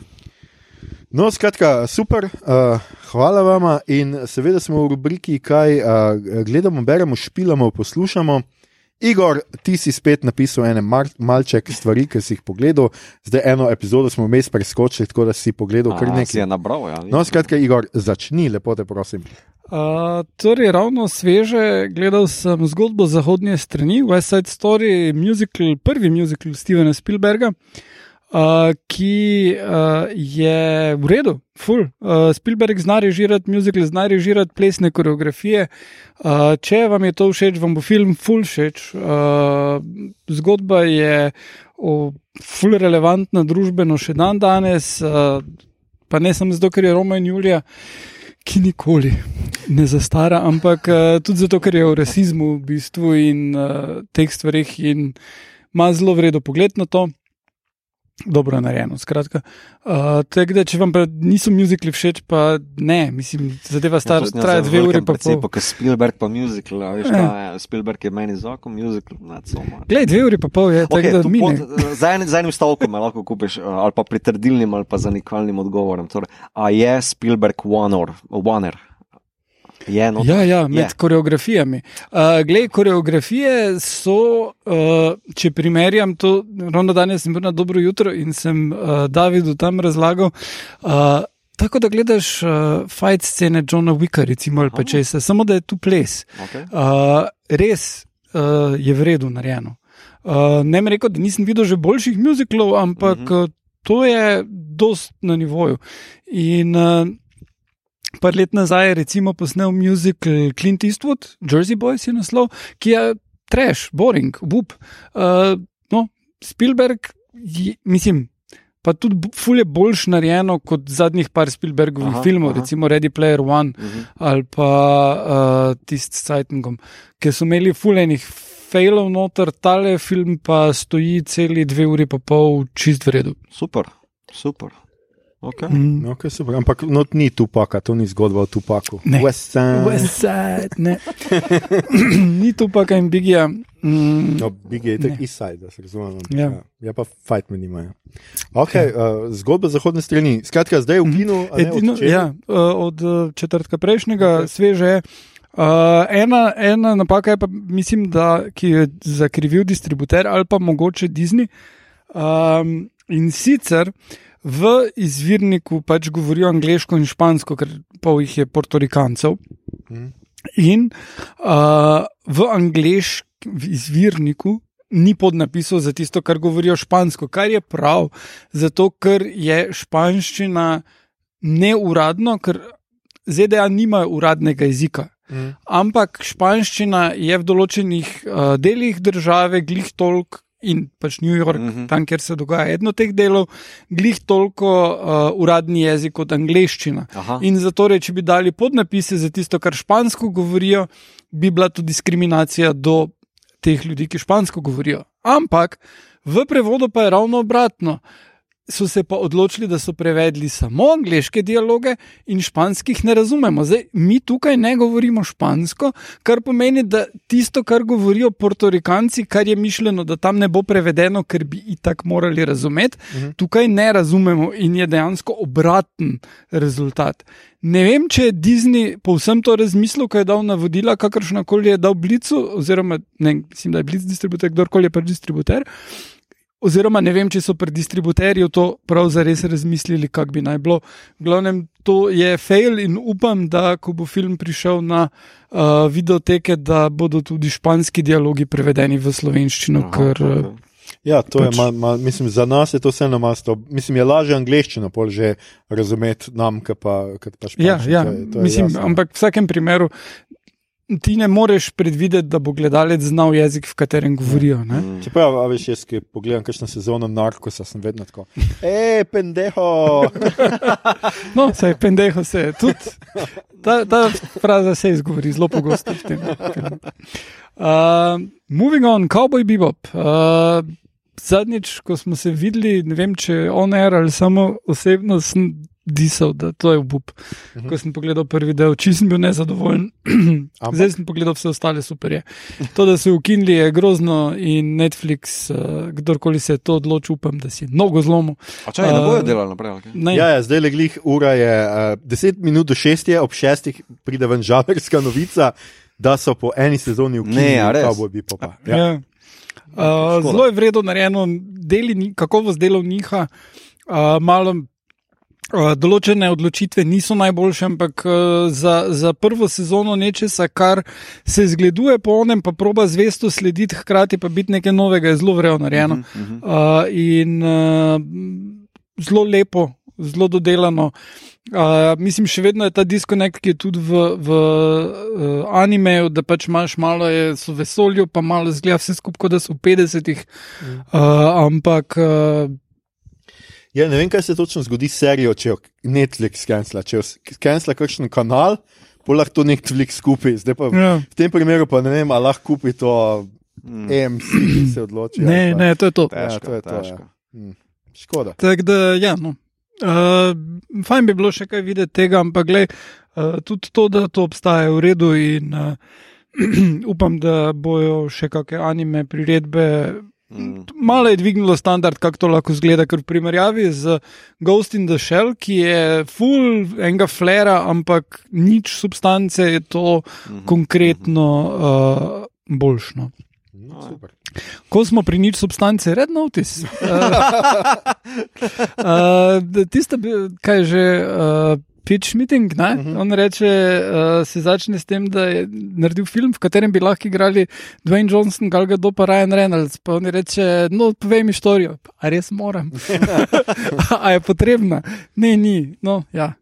Štorija je, oni trije so. Ja, Nastopate, jaz nisem vedel, da ima tudi uh, Dwayne Johnson svojo uh, pijačo. ja, ja. To sem zdaj zvedel, to mi je Eh, pri pitch meetingu, ki je povedal. Da ja. pač, vem, da je, jaz si zdaj že veste gledam za praznike, si bom kupil namreč Aviation ker pač Rajan in bom okay. lepo srkal. a Tako, ampak ja, vidim, da tam udari nekoga po glavi z Aviation Gym, ima pa tudi pol uh, The Rock svojo, to pa nisem vedel. The Rock ima svojo pa tekilo, ja. ne? A, okay. Uh, tu na tej točki se mi je zdelo pol malo diskriminatorno, ker Galga do sicer si izborila 20 milijonov, isto kot ona dva. ne? Aha, okej, Tako da okej. to je najdražjih filmov ever, mimo grede 200 milijonov dolarjev je stal. Uh, v glavnem zaradi pandemije, ki je skoraj podvojila budžet snemanja, Mhm. ampak uh, vseeno. Ona si je zrihtala, da je dobila 200 milijonov, ni pa si zrihtala produkt placementa, uh, kar se mi je zdelo bedno, ker ona sicer nima alkoholne pijače, ima pa, če se ne motim, njen mož verigo hotelov, tako da lahko bi prišli v en ta hotel. Da, ja. No, ja. Ja. no, to bi se mi zdelo, da bi bilo prav, da bi bili res No, ikoni. je pa Netflix seveda že prinesel, ne? to je trenutno naj, to je najbolj gledana stvar na Netflixu vseh Mhm, časov, ne? mhm. Ja. če sem jaz prav razumel. In zgolj zaradi tega, ker so oni trije not. Ja. Ja, absolutno. Je, tudi jaz ga bom enkrat bom podlegel in ga bom pogledal, ker mi ga Netflix itak skozi sili, ker gledam tako. Pogledali ste, eh, ne vem, uh, Altered Carbon, kaj če bi zdaj rekel notis. Pogledali ste to, ta anime, kaj če bi zdaj rekel Da, Uh, bistvo ja. tako je, gledaj, ko boš enkrat zmačkan, pa ne že kaj začeti. No, saj. to čez imam zrejo. si tak cajt za Ja. Rajana. Uh, drugače pa uh, mito tebi bi tudi bilo zanimivo, ker je dost uh, umetnosti noter, uh, pa za razliko od onega prejšnjega Rajanovega Netflix filma uh, Six Underground, Nine Underground, Six Underground, ne vem. Ja, nekaj Uh, ne uničujejo tega toliko, samo na koncu, malo Samo se koncu. streljajo. A, Uh, v sobi polni uh, artefaktov. dobro. Uh, skratka, kje sem ostal? Aha, torej, ja, glej, pač za zmačkanje. To ti si na Letterboxu si dal ti temu filmu koliko trojko Ja, od pet. Ja. Okay. Igor je zelo držljiv za Ja, letterbox. ne mislim, glej, tak, Here's the star, here's the star. Star for you. vse se trije nota. Ne? Ja, Trije za vsakega ena, se to pa je prav, to pa se Ja. tudi jaz strinjam. Ja, jaz, to je po mojem nekaj, kam mogoče za Silvestrovo pogledal. To je tak film, ki ga imam jaz na sumu, da se Ne, za Silvestrovo, za Silvestrovo je treba gledati kot Haneke. Oh, ne, ne, ne, 22 je bilo dovolj. Uh, skratka, Igor, nadaljuj. Batman, The Long Halloween, ko smo pri praznem. Je, um, Ena in dva. ena in dva, ja, zelo, zelo sem se moral potruditi, da sem ostal buden po robeh. Um, Hmm. pa nisem gledal back to back na različne večere, mnogo različnih večerov. Um, ful je v redu slog animacije, ful so uspeli prenesti podobo stripa gor, ampak ta strip ima v redu zgodbo, ker um, ni grafik novel, ampak je. Po delih in pač vsak praznik je nov del, in pač to je to. Mhm. In tole bi delovalo v redu kot nadaljevanka, mogoče pač pa ima vsak malo drugačen videz, ko pa gledaš kot en film, oziroma kot dva filma, tri ure, vse skupaj, ali pa še malo prek tri ure, je pa vse skupaj malo repetitiv, malo boring. Uh, všeč mi je bilo, kako so malenkost spremenili konec. Mislim, da je bil malo boljši kot v stripu, uh, pa pač vizualno je v redu, je pa meni se zdelo dosti dolgočasno. No, je. Um, Okay, strip boljši, skratka, prejši. kot je običajno. Ja. Okay. Uh, mislim, da, da edino, kjer ni bistvene razlike od teh, ki delajo priredbe klasičnih stripov, je bilo Year One, uh, ki je mm. film res dober. Uh, Tako da, ja, ki tudi, uh, uh, kaj je že Dark Knight Returns, tisto je. Ni, ne? Mm. Strip je, Mhm. uh, mm eh. Mhm. medtem ko. Ja. Viš, to bi mogel imeti letterbox. Kao. Ja, ja. Letterbox minut so gife. veš. Ja, ja, ja. Uh, potem, ja, aha, kar se filmov tiče, sem še prebra, pogledal štiri korejske filme, ki so me uničili. Uh, ja, uh. Korejci so, so, korejska ambasada je imela uh, Korea Film Week, kjer so imeli štiri filme pod sloganom Smejmo se skupaj. Uh, in vsak od teh filmov je imel nekaj komičnih elementov, in potem uh, je bil v vsakem filmu nek preobrat, kjer si se začel jokati nekontrolirano in si misliti, zakaj je tako krut ta svet. Uh, na koncu imaš neko katarzo od vsega skupaj in se počutiš boljš kot prej, ampak. Uh, Ja, Mimo grede, kako se pa kontrolirano jokaš, ti, Igor. to se zdi tako zelo ameriško. hvala. Prosti, kar ti nadaljuje. Ja? Še nekaj. Uh, no, tako da uh, tu bom dal link do, do videa, ki smo ga naredili za te filme. Trenutno, ko pač ni tega tedna, te filme je precej težko dobiti. Če imate kje možnost videti film, ful priporočam I Can Speak. Um, in potem sem še prebral knjigo, uh, eno. Uh, najboljši sci-fi, kar sem ga letos prebral, oziroma zadnjih par let, uh, druga knjiga Takes Kalan, um, Arkadi Marin, A Desolation Called Peace. Uh, o prvem delu sem govoril, mislim, da lani. Uh, gre za krasno space opero, uh, kjer je pač nek Galactic Empire in so prevajalci not, in uh, tukaj je štorija o tem, kako probejo first contact sfurati. In uh, kot prevajalcem je to ful dogajalo, uh, res v redu, jezikovno narejeno. Uh, plus, da pač v tem svetu, tem imperiju, je poezija uh, najpomembnejša stvar. Mislim, ena najpomembnejših stvari nasploh, tako da vsakdo, ki si ustvari neko šifro za nekaj, si mora nek verz zmisliti, da to zašifrira. Uh, ko ima uh, pač e- imperator neko event, je tam Battle of Poets. ne, Tak, ja. Prav res, ful dajo na poetri, ful je vredno to narejeno. Uh, Totalen cool world building um, in še ful je o tem odnosu, uh, kot glavna junakinja, ambasadorka v, iz, iz neke pač province, uh, o tem odnosu, kak uh, ga imamo ljudje do nek, neče. Do neke velike kulture, recimo. Ne? Kot recimo, ne vem, mi to ti si do francoske kulture, pa italijanske renesanse, pa vsega tega, zagotovo skozi študij ustvarjal neke odnose, uh -huh. ki pač si želiš, da bi bil tam, pa hkrati ne. Pa vse to, uh -huh. to je ful dobro uh, vzpostavljeno v teh knjigah. Uh, ali pa pač, ko imamo vsi do ameriških filmov, ne na zadnje, ja. ali še pa do ruske literature, se ga vidimo. Tek, da, Vem, to se mi vidi že na obrazu. to je to od mene. Ok, Igor, sej kar neki si pa le. Ja, pogledal. ja. Si bil prizem, lepo. Uh, Mito, tudi ti si uspel nekaj pogledati. Ja. No, pripoveduj A, ta prvega bom omenil, najboljši film, ki ga lani niste videli, oziroma letos niste videli, to je Les Duel. Um, Presneti milenici in njihovi telefoni. ja, ne vem, ne vem odkot mu tale izgovor, um, o tem sploh ne bom, ampak meni je bil film zelo všeč. Um, Ma to strukturo ala Rašamon, oziroma um, nezanesljiv pripovedovalec iz treh različnih perspektiv, torej Matt Damon ali pa uh, Adam Driver, ali pa se upravičujem, ker mi je ušlo njeno ime. Skratka, Vilenel. hvala. Ne, Um, ni tako ime, tako ime v seriji. Ja. Uh, V resnici sem tudi jaz pozabil. no. A ni Jodie Comer. Jodie Comer, hvala, Aljoša. Hvala, hvala, hvala. hvala. Uh, Vole nisem prej nikjer uh, videl, še vseeno moram si V preklicati. oni seriji, je, Kjer je? uh, kjer igra Vilenel. Aha. Uh, Killing Killing Eve, ja. Ja, viš tega nisem jaz gledal. No, daj. Okay. Uh, skratka, me, Ridley Scottu v bistvu ne moreš nič očitati na obrtniški ravni. Režija, montaža, tempo, glasba, kamera. Ben Affleck. Uh, ne. Um, um, koze bradice mi grejo na živce, te maleti mi grejo na živce, ampak vse ostalo je pa zelo, zelo prepričljivo, fulta posrka not, um, vse je zelo lepo zastavljeno.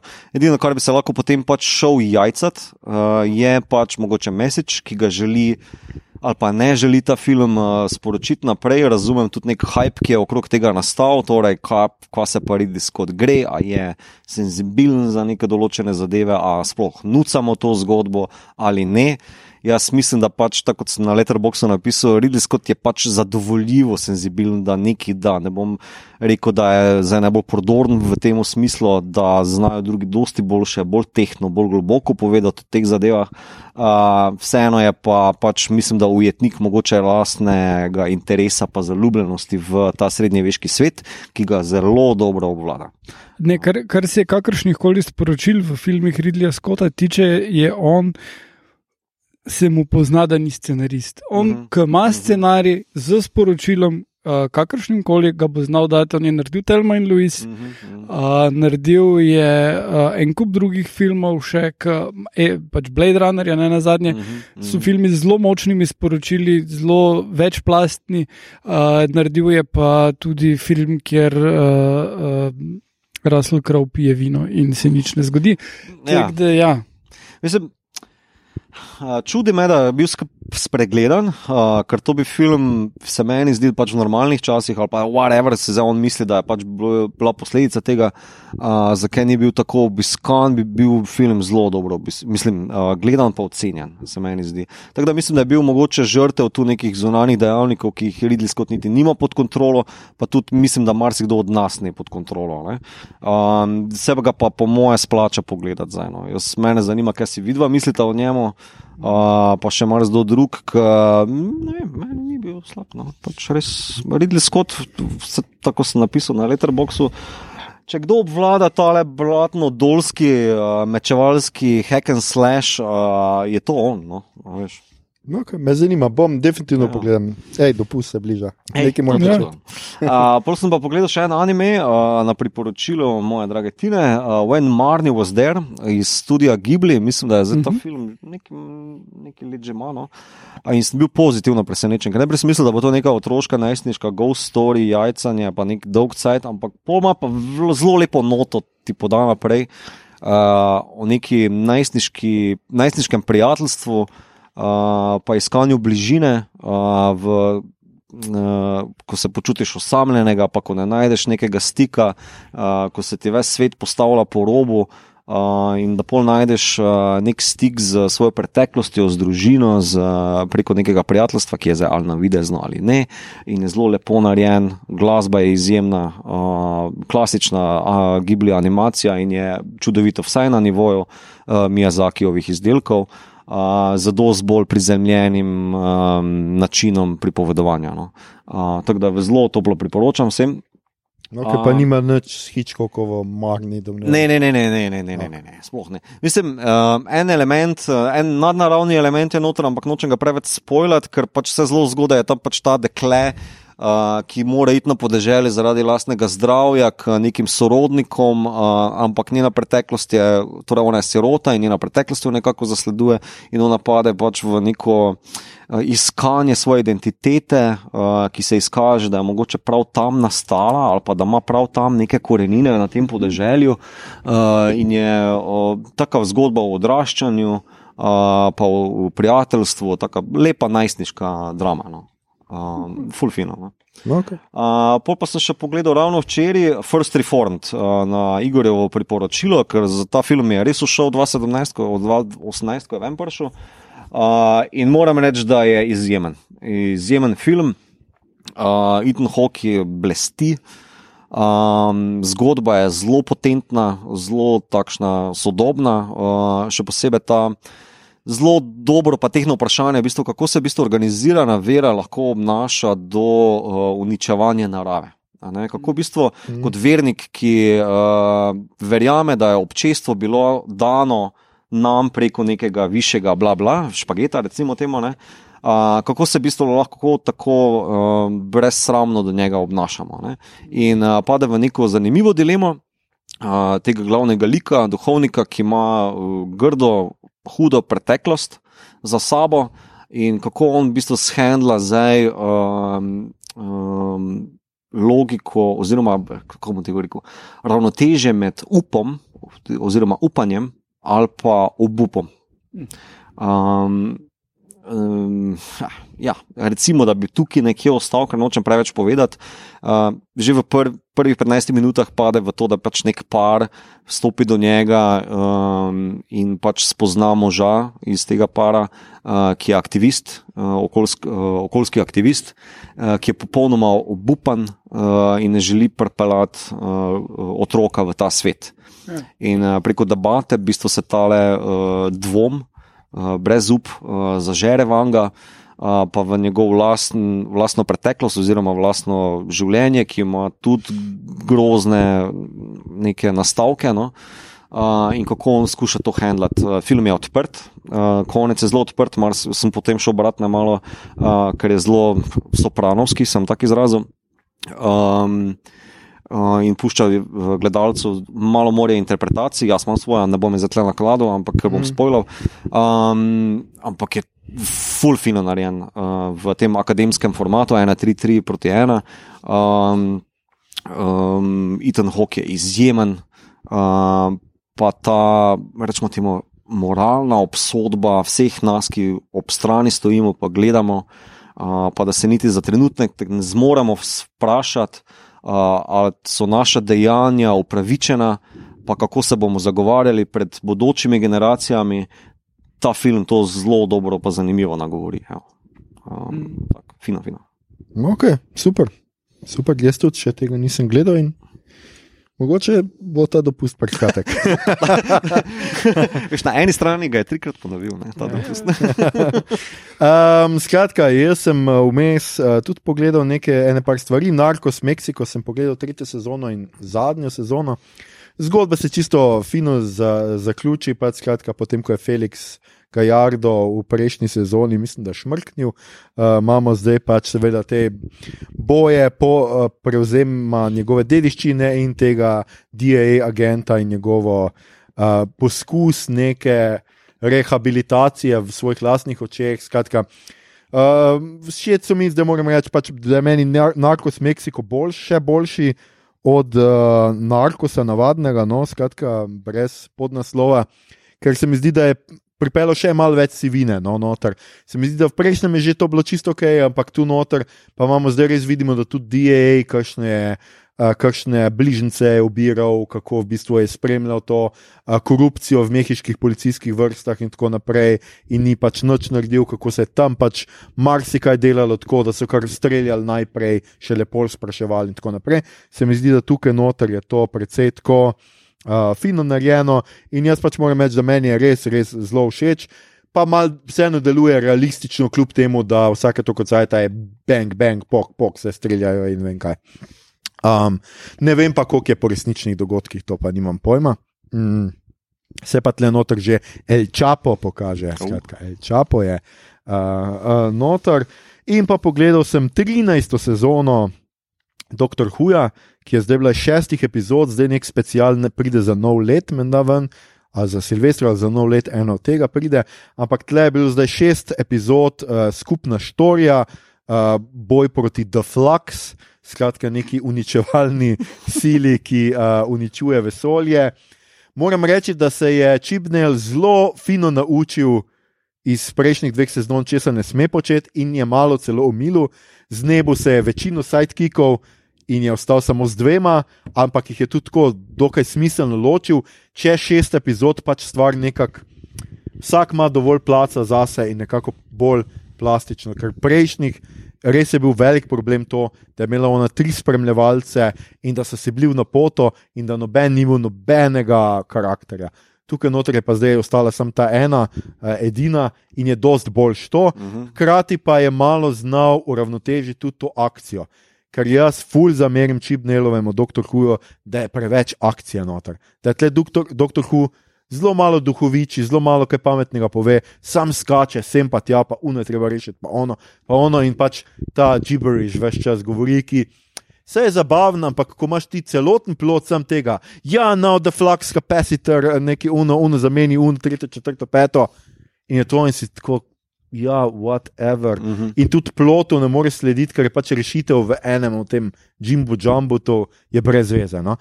Tle je malo milo in je precej boljše, no? pa tudi, hvala Bogu, daleko ni čist, ni posiljeval z daleki. in pa to je po mojem celo druga vrnitev jokajočih angelov, ki je celo v redu. No? Prejšnja vrnitev je bila brezvezna, zdaj so pa tu noter v redu. Me pa malo skrbi, kaj, kako bo je pol to pozneje rešil, ker je zapleto uh, izvirno zgodbo dr. Huja, ful postavil na, na laž ene par stvari. Um, tako da to mi ni bilo tako všeč, tako da ne vem, kako bo to rešil v nadaljevanju. Razumem, da je mogel rešiti to, da bo imela več kot vem, 13 regeneracij, ker po tej logiki je bila ona zdaj zadnja, uh Mhm. -huh. se mi zdi. Uh, ampak vseeno, no, ful se mi zdi na prvo žogo pelati neki noter, pa da ona nima spomina na še neka prejšnja življenja, pa da je njena mama še živa, pa da ne vem kaj. Skratka, Preveč, no, to je tako, da bi ti zdaj v 26. Supermanu zvedel, da je mama še živa in da je ne vem kaj. Skratka, Pa, eh, zdaj se Jodi poslavlja. ja, Jodi se menda poslavlja z Ali je še kaj special, je še ne? Ja, s tem Novo specialom leto? bi se mogla posloviti. Ja, Aha, pa se že ve, kdo bo naslednji. Uh, ne, zaenkrat se še nič ne ve. Če, če jaz prav razumem, uh, uh, so zdaj to vzeli kot znamenje, da nikoli več ženske. Oh. Ne, ampak- vrač, ne, se hecam se, mislim, da to niso tako odkrito rekli. Je pa pač res, ne, da zdaj se ve, da marsikaj se lahko pripiše temu. Jaz mislim, da so bile štorije pač preveč za nič, da je bilo preveč zmede, da je res, da ni Jodi imela nobenega. V, res, v resnici ni bil noben karakter, vsi do zdaj so bili, vsaj neki si vedel, kaj od njih pričakuješ, od nje pa nisi vedel, kaj razen neke kvazi prikupne zmede. No? In to ni bilo tako, da ne ve se čisto točno, ampak ponovadi se pač napove v zadnjem delu. No? Tako da pričakujem, da nobenih govoric nisem še nič slišal, pa nič, ampak zdaj, zato nisem čist zihar, ali je ta special res zadnji, ali še bo nek special, mm. mogoče pozneje. Ker ponovadi smo že slišali neke govorice, kdo bo zamenjal. skratka. Aha, okay. No, mislim, lahko bi dali Karen Gillen. Ali je to ne mogoče, da je bivši kompanjon? Uh, Navadno mislim, zdaj je vprašanje, kako je ne mogoče, ker je ona bila, ona dva ste zdaj, o, ne, se pol točno, Karen Gillen je, ni v drugi dimenziji, v drugi dimenziji je una ta, ta prva. A, a, a Karen Gillen je v preteklosti in je dr. Hu iz nekega razloga pol več ni mogel vzeti iz preteklosti, tako da tam živi z onim svojim a, fantom. Tako da mislim, da to je skoraj nemogoče, no, a, da, bi, da bi to naredili. Bomo pa videli, no. Le, Hm, nikoli okej. ne veš. Okay. To je to, to sem tudi jaz pogledal. Uh, skratka, um, ljudje in ljudje, to je bila že naša 109. epizoda. Druga epizoda meseca fantazije. Poslušali ste podcast, ki se oglaša na ime Obot. Podcast za serije, filme, risanke, špile in knjige vseh žanrov od F do Z, ki ga gosti mreža Apparatus. Z vami smo bili. Mrežar. Aparat. Mreža, sem rekel, se pravičujem, mreža aparatus. Z vami smo bili Mito, Blip, Gigič, Mm. Igor, Blip, Harp in Aljoša, Blip, Hlamo. Uh,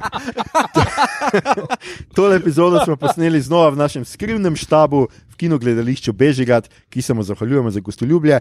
Vam pa sporočamo, da je veseli december vesel tudi brez kuhančka, če ga preživite ob dobrem filmu in dobri družbi, in če ne želite pospravljati za vašimi gosti, noben noče tega, jih povabite v kino.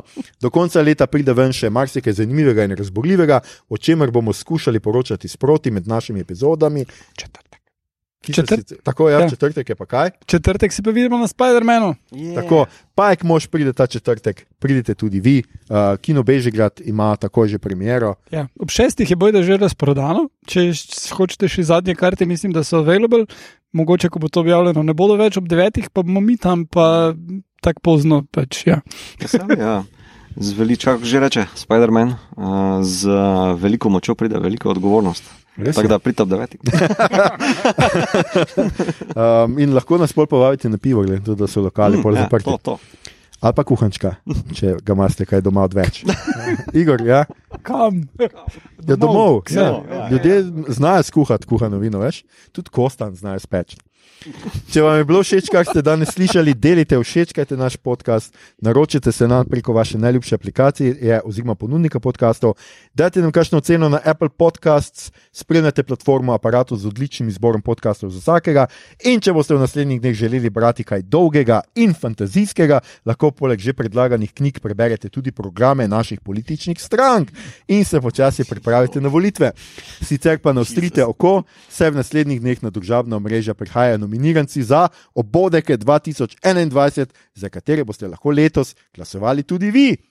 Podcast Obost svojega glasu ne daje strankam, ampak ljudem. Uh, na Twitterju nas najdete kot adpodcastobot, na Facebooku in Instagramu smo podcast KMO bot, brez pikic, tja delimo rajce, reprikolce, novice sveta žanra in druge zanimivosti in tja lahko usmerite vsa vprašanja, pripombe, komentarje, vaše rokopise šestdelnih fantazijskih sak, predloge, kaj bi za vas pogledali naslednjič. Tole je bila že 109. epizoda, druga epizoda meseca fantazije, ki zajema skupaj pet epizod in bo trajala do 15. januarja, ko naj bi bila na sporedu epizoda o koločasju Wheel of Time, upam, da gledate, ki naj bi jo, če bo vse po sreči, snemali 15. januarja v živo na konvenciji na meji nevidnega. Tretja epizoda pa bo na spletu proti koncu naslednjega tedna, saj gre za božično epizodo, v kateri bomo govorili o filmski, seveda tudi knjižni trilogiji LOTR. Čak, knjige so tudi. Če ne veste, kaj LOTR pomeni, kratica, ježeš, ježeš. Uh, do takrat in vedno pa se čuvajte in ostanite zdravi, drage obodovke in obodovci, kdorkoli in kjerkoli že ste. Amen. Zakaj amen, zgubamo zdaj amen. Smo to biti seksi, ni seksi duhovni. Ne, tako zverejo vsi kot duhovni. ja.